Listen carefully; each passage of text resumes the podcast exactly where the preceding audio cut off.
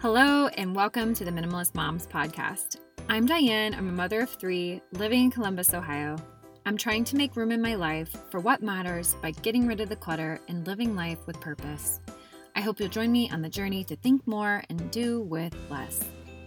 Join me today as I bring you my conversation with Kayla Stoecklein. Kayla shares what she's learned about grief and moving through tragedy. This is a powerful conversation on the importance of prioritizing mental health. I truly believe that when we slow down and are intentional about what we're consuming mentally, emotionally, physically, it is just such a benefit to our overall well being. And we discussed that a little bit here towards the middle slash end, but I just really appreciate Kayla coming on today and sharing her story so vulnerably. I know that even a couple of years, well, I won't get too much into it, but even a couple of years after this tragedy has happened, it probably still is so raw for her in moments.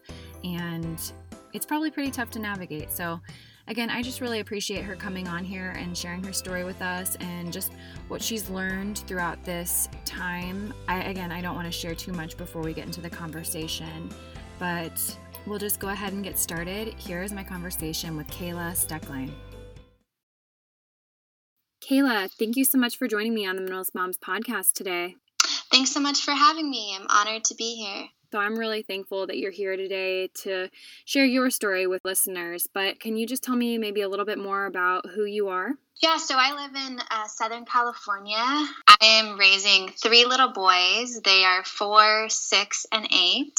I'm a single mom, um, so there's a lot that goes with that, and I'm, I'm learning. I've been a single mom for two years now, so I'm learning how to do it on my own. And um, yeah, we love being outside. Me and my boys spend a lot a lot of time at the beach. We a lot of time at the skate park, and we just try to have fun together and make uh, really happy memories together and we're we're kind of I use this phrase rebuilding beautiful. So we're kind of rebuilding this beautiful life and chasing after beautiful and chasing after joy. And so that's what I've been up to uh, the last couple years and it looks different now with the pandemic mm-hmm. um, but we're still you know choosing joy and trying to have fun and, and make the best of it. The book that you've written it has come out of this tragic and challenging season in your life. So i'm going to go ahead and let you take the reins and talk about that a little bit more Sure, yeah. So in um, April of 2018, my husband Andrew, who was the lead pastor of our church at the time, um, was diagnosed with depression. And we really, it was really out of nowhere. You know, I'll never forget sitting in the psychiatrist's office with him. The psychiatrist said those words to us Your husband has depression. And I was shocked. I was stunned. I didn't say a word. I just sat there completely shocked and we walked back to the car, and I turned and looked at my husband, and I said, How did we end up here? Mm-hmm. Like, how did this happen? How did you end up with depression? Like, how did we get here? It was a blind side that I never saw coming. And Andrew was an incredible man, um, resilient. He was a leader. Like, in my eyes, he was Superman. Like, he could do anything he set his mind to, and he was good at everything, and he was resilient.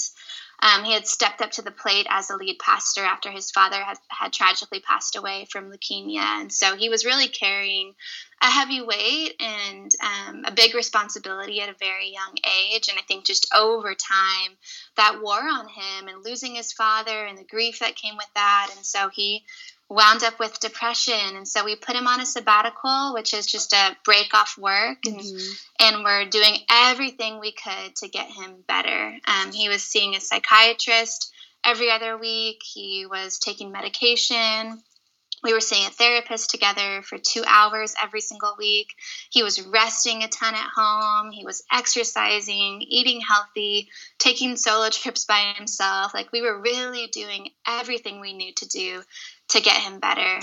And by the end of July in 2018, we actually thought he was getting better. And so the doctors released him to go back to work, and he returned to work in August of 2018 and really hit the ground running and gave this powerful, two powerful messages on mental health. He called the series Hot Mess, and he was talking about his own experience with depression and anxiety and panic attacks. And he was using that you know his own experience to help others and to mm-hmm. shine a mm-hmm. light on something that pastors at the time really weren't talking about mm-hmm.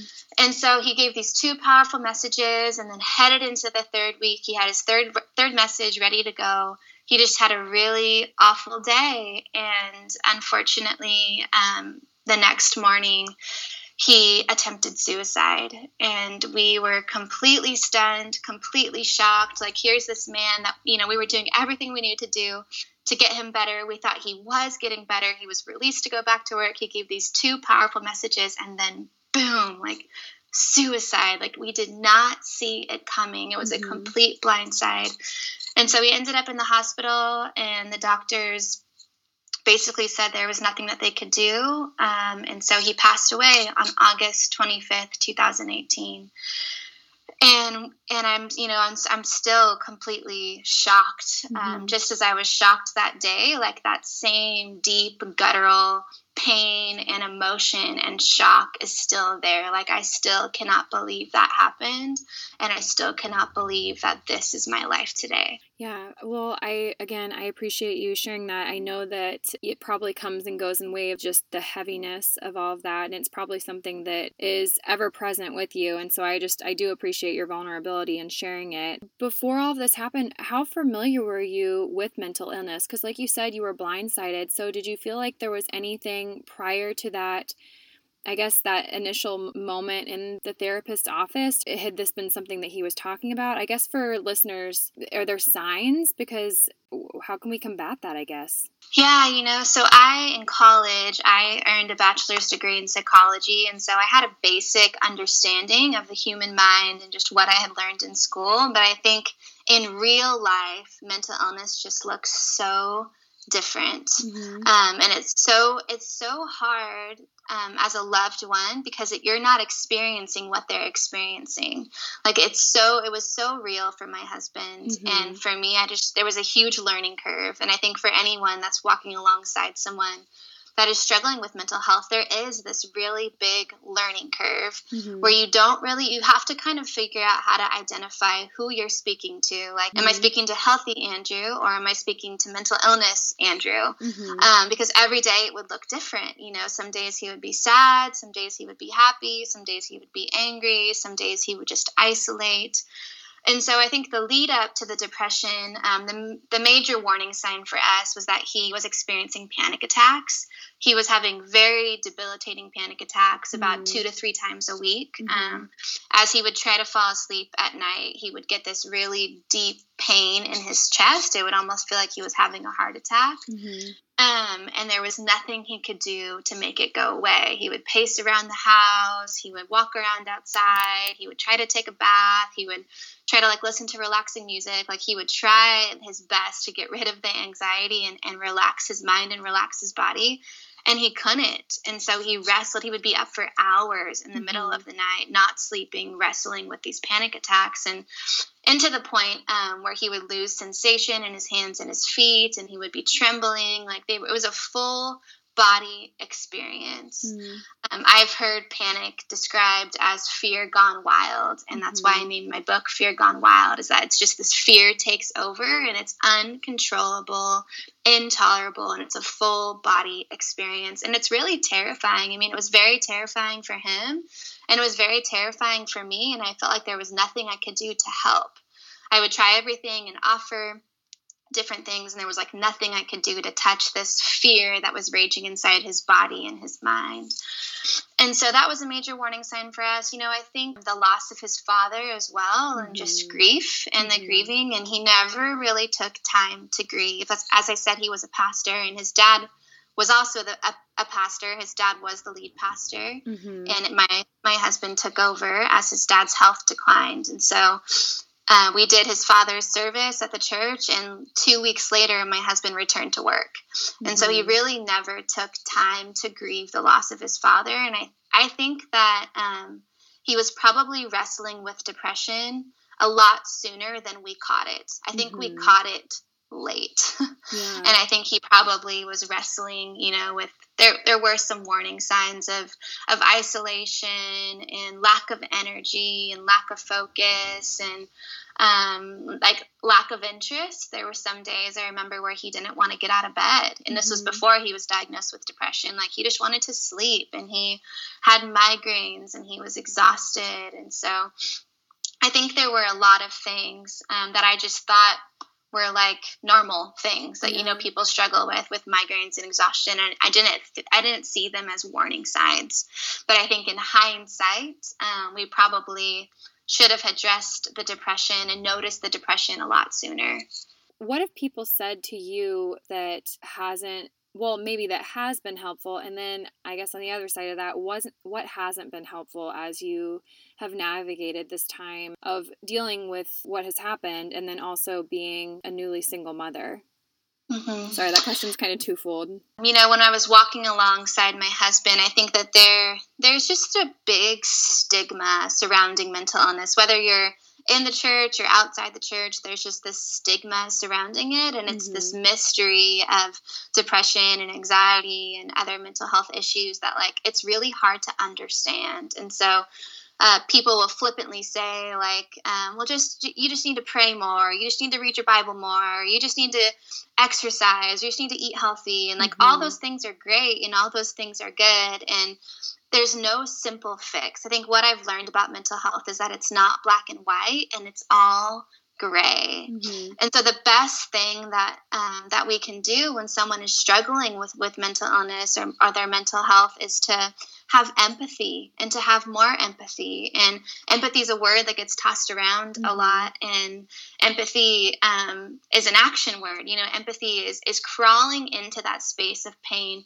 with them and sitting with them and sharing in their pain and trying our best to understand what life is like from their point of view. And I think so often we just want to brush it off like, oh, it's not a big deal, you know, when, mm-hmm. when it really is a real physical illness. So I think some comments from people over the course, you know, there was just some misunderstanding of what we were actually dealing with at home and what mm-hmm. my husband Andrew was actually suffering from. And I think because people didn't understand, they backed off. Um, their response was just, I don't, I don't, I don't understand, so I'm just not going to deal with it. Mm-hmm. and so there wasn't a lot of, we didn't have a lot of community and we weren't surrounded um, a lot by friends. And I think there was just a lot of um, people just didn't understand and didn't know what to do. And I even felt that in my own home. You know, like I didn't understand and I didn't know what to do most of the time mm-hmm. with him. And so it is so gray, and there has to be so much grace and so much empathy. And there are a ton of great resources out there that I wish I would have.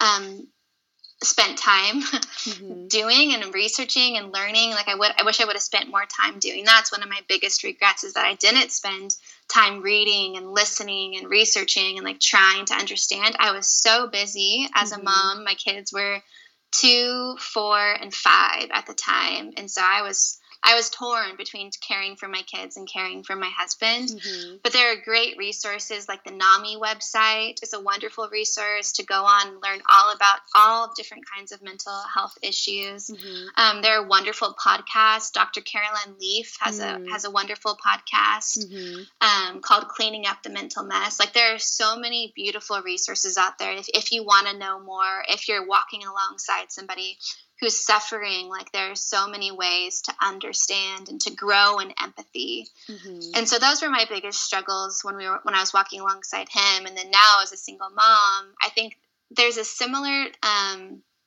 loneliness mm-hmm. where where people just don't people just don't understand what it's like mm-hmm. and i can't expect them to understand because they're not in my seat they mm-hmm. they don't have to live my day to day they don't know the weight that I carry now. You know, like when my husband was alive, he was the breadwinner for our family, and I was a stay-at-home mom, and he, and he took care of everything, and he had the vision, and he knew where we were headed. I describe it as um, he was in the driver's seat, and I was in the passenger seat, mm-hmm. and he knew where we were going, and he was he was headed there, and I was just along for the ride, and I and I was super supportive and I loved being his wife and I loved being a pastor's wife and like I loved that role. Mm-hmm. And then when he passed away, all of a sudden I moved from the driver from the passenger seat to the driver's seat and mm-hmm. now it's mm-hmm. up to me to decide where I, where I want to take. I have these three little boys sitting in the back seat and yeah. it's up to me to decide where we're going to go Mm-hmm. And so all the weight and all the pressure, like not only financially, but like emotionally and spiritually and like and like thinking future, you know, like what what do I what kind of life do I want to create mm-hmm. for me and my boys now? Yeah. Um, because our life our life so revolved around my husband and the church. And mm-hmm. so now I'm finding myself again and I'm finding my identity again as a person and also as a mom um, and also just like looking to the future and, and thinking okay what do i want my life to look like? And it can be a really heavy burden at times and i think that that's what a lot of people don't understand as a single parent um, just the, the heavy burden that you carry and especially as a solo parent when mm-hmm. there isn't they don't go to dad's house on the weekends. There isn't another parent pouring into them like it really all falls on my shoulders I wanted to tell you about our new sponsor, Jonas Paul Eyewear. Founded by Ben and Laura Harrison when their son Jonas was born nearly blind at birth. This was extremely unexpected news that no parent prepares for, but it gave them a window into the world of blindness. Ben and Laura could have let Jonas's visual impairment dampen their spirits, but instead they used this new challenge as fuel to launch Jonas Paul Eyewear, which now specializes in glasses for kids and teens ages 4 through 16. Jonas Paul is a convenient way to try on glasses without even leaving your home, all just for $1. It can take time to choose the right pair of frames, but with Jonas Paul, there isn't that feeling of being rushed or pressured before you're ready to make the purchase. You can test out the glasses and order online, all from the safe, clean comfort of your couch. Your kids are going to love these frames, both for the quality and the style. Jonas Paul's mission is to help kids feel beautiful and confident in their glasses. Prescription glasses start at $79, including prescription lenses. Blue light blocking lenses are also available for every Jonas Paul eyewear frame, perfect for extra screen time and online learning. So save 15% off for just listening. Use code MinimalistMoms15 at jonaspauleyewear.com. That's MinimalistMoms15 at jonaspauleyewear.com. Is there something interfering with your happiness? Is something preventing you from achieving your goals? Mental health has obviously become much more of a topic of conversation and something that we're much more aware of and comfortable talking about these days. However, there can be a lot of stress associated with trying to find the right healthcare provider. That's where BetterHelp online counseling comes into play. With BetterHelp, they make the process so much easier and streamlined. You can talk to a healthcare professional from the comfort of your own home through your mobile device or your computer. And BetterHelp will align you with someone based on your needs. So that could be depression, stress, anxiety, relationships, grief, trauma, really anything you'd like to talk to someone about. I have personally been able to check it out for myself, and I have seen the ease in which you can receive that care that you're looking for. All I had to do was go on, fill out a survey of what I was looking for, and they set me up with my own personal counselor. I just found it very convenient, which is really helpful for a mother of three. Also, if you don't like the person that you are matched with, you can always switch. They make it very painless and easy for you. It's quite fantastic. In fact, so many people have been using BetterHelp that they are recruiting additional counselors in all 50 states. So, if you've really struggled with trying to find the right therapist or just someone to talk to in regards to mental health, this is something I truly recommend. Best of all, it's a really affordable option, and Minimalist Mom listeners get 10% off the first month. I want you to start living a happier life today. Join over 1 million people taking charge of their mental health by visiting betterhelp.com slash minimalist for 10% off of your first month. Again, that's betterhelp, H-E-L-P dot com slash minimalist. And now back to my conversation with Kayla. Thinking about the reasoning behind why I wanted to have you on the podcast because I do talk about minimalism. That's the main focus. There is an element of intentional living and simplicity. And I'm thinking, in regards to mental health, that minimalism can honestly act as a tool for mental health. And just how you said, maybe instead of exercising or just kind of using these band aids, I was thinking about how helpful that really creating a slower lifestyle. You said your husband didn't have time to grieve his father. And so I guess I'm just wondering if you think that that's true, that slowing down can be used to maybe combat some of these issues that we're having if we're going too fast. Sorry, I know that question might kind of catch you off guard, but I just was trying to figure out how we can apply this to minimalism and intentional living to mental health. Yeah, no, I, I totally agree with you. I think that we are overstimulated as human beings, especially in America. Like, I can't. I was at the beach with my boys on Saturday, and like we can't even sit at the beach without mm-hmm. airplanes flying overhead with banners like mm-hmm. advertising alcohol and mm-hmm. car insurance. And I'm like, I can't even sit at the beach without being bombarded by ads. Yeah, it's just wild. And so I think as a culture, you know, we live in a very busy, fast paced, in your face, constantly scrolling, constantly listening to stuff. Like we're constantly go, go, go, go, go. And we don't have a lot of white space and we don't have a lot of empty space to be present to our emotions and be present to our pain and be present to our thoughts and our feelings. And mm-hmm. I think you're right. I think, um, when we carve out time for those things, I know something that's been helpful for me. I read a beautiful book I don't know if you've heard of it. It's called The Ruthless Elimination of Hurry. Oh, yeah. Um, mm-hmm. by John Mark Comer. It's a wonderful book, and he talks a lot about that, about just how, as a society, we're so bombarded with noise. Mm-hmm. And I mean, there's so many simple things that we can do every single day that can help just create space for our mind to rest. Mm-hmm being bombarded that often, like our mind is just constantly going. And so I think um, some of his little suggestions in his book were like turning off turning off the radio in the car. Yeah. Like after I drop my boys off at daycare in the morning, like I intentionally turn off the radio and it's just a quiet, a quiet ride in mm-hmm. the car on the way home. Another thing he talks about is like turning off your phone for a day. Mm-hmm. Like literally powering it off, putting it up on a shelf and like not looking at it for the whole day and like not being bombarded with that of the constant scrolling and checking email um, he talks about not having email on your phone, you know, mm-hmm. too, and like how that's just so helpful. So there's so many little things that we can do to create that space for mm-hmm. our mind to rest. Mm-hmm. And I think for me in this season of grief, even, you know, in my grief, I have wrestled with depression and I have wrestled with suicidal thoughts and I have been in this really deep, dark mm-hmm. place. These last mm-hmm. few years, I'm in a better place today, but like that has been part of the journey. And I know um, when I am in those spaces, like it really does help to get outside and lay on the beach and like be in nature and go take my dog for a walk without listening to music and without mm-hmm. listening to a podcast. Like just being present to the moment and present um, to my body too, and being able to to listen to my thoughts and listen mm-hmm. to my mm-hmm. body and like see how I'm actually feeling. Mm-hmm. So I totally agree with you. I think there's always room to cut things out of our lives, mm-hmm. especially um, in America.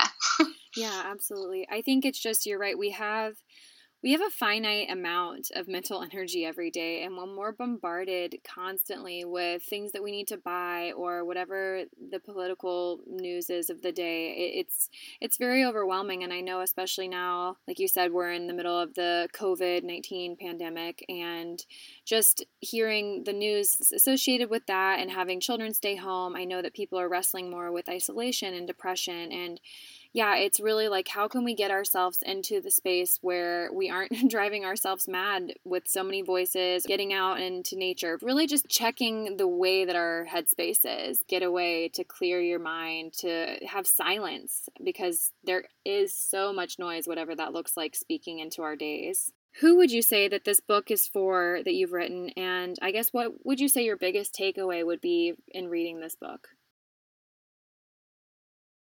My main goal in writing this book was for it to be practical. I didn't want to just share my sad story. I I I wanted to also share my regrets and mm-hmm. my mistakes and, mm-hmm. the, and the things I missed and the things I've learned in hindsight, and then offer just some practical tips and tools and advice. And so, if you're walking alongside someone who is struggling with mental illness, then the words in this book are for you. If you're facing a mental health diagnosis you never saw coming, then the words in this book are for you.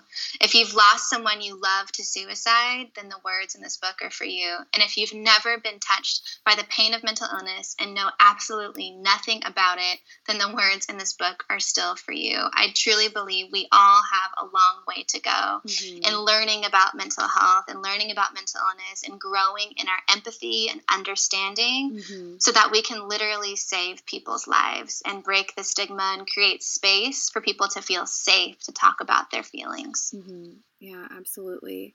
Well, Kayla, where can listeners connect with you online and where can they find a copy of your book? I know it's not out yet, so maybe pre order um, right now, but where can they find a copy?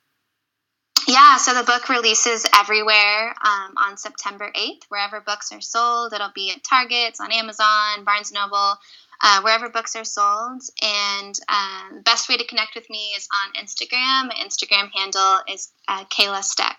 Great. Well, are you comfortable doing the two questions that I ask every guest? Sure. Okay. Well, my first question I know this is a strange transition, but what is something that you are currently simplifying in your life? And I call it the minimalist moment of the week.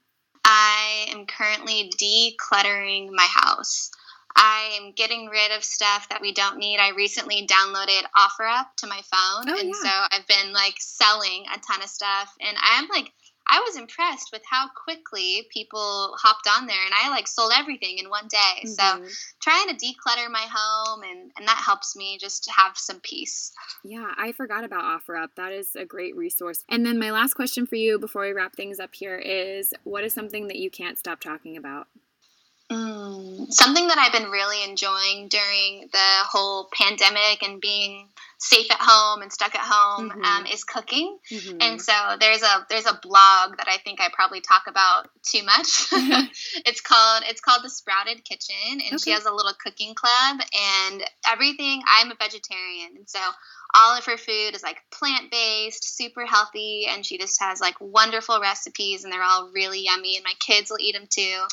So I feel like I'm constantly talking about that. mm-hmm. No, I, yeah, I agree. Is that Sara Forte? Yes. Yeah, I interviewed her. I haven't released her episode yet, but yeah, I oh, really oh, no love way. her. That's awesome. I love it because it is so simple and just basic ingredients, and I feel like I typically have a lot of it on hand. So yeah, everything's really yummy too.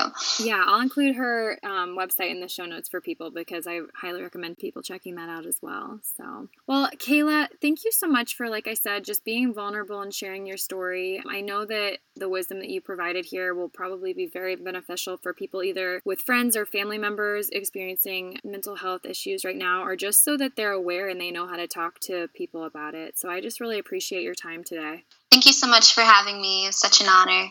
What did you think of the interview? I wanted to point you to the resources that Kayla mentioned, which I've included in the show notes. I just want to encourage you that if you ever find yourself in a position where you don't know what to say, I know that I've been there myself. Sometimes just being there alongside of them, grieving with them, I, I know you can't fix what has happened, but sometimes just being a presence is enough. Again, I just wanted to thank Kayla for coming on today and sharing the hope on the other side of tragedy. And I just appreciate her vulnerability and candidness when it comes to this topic. So, thank you again, Kayla.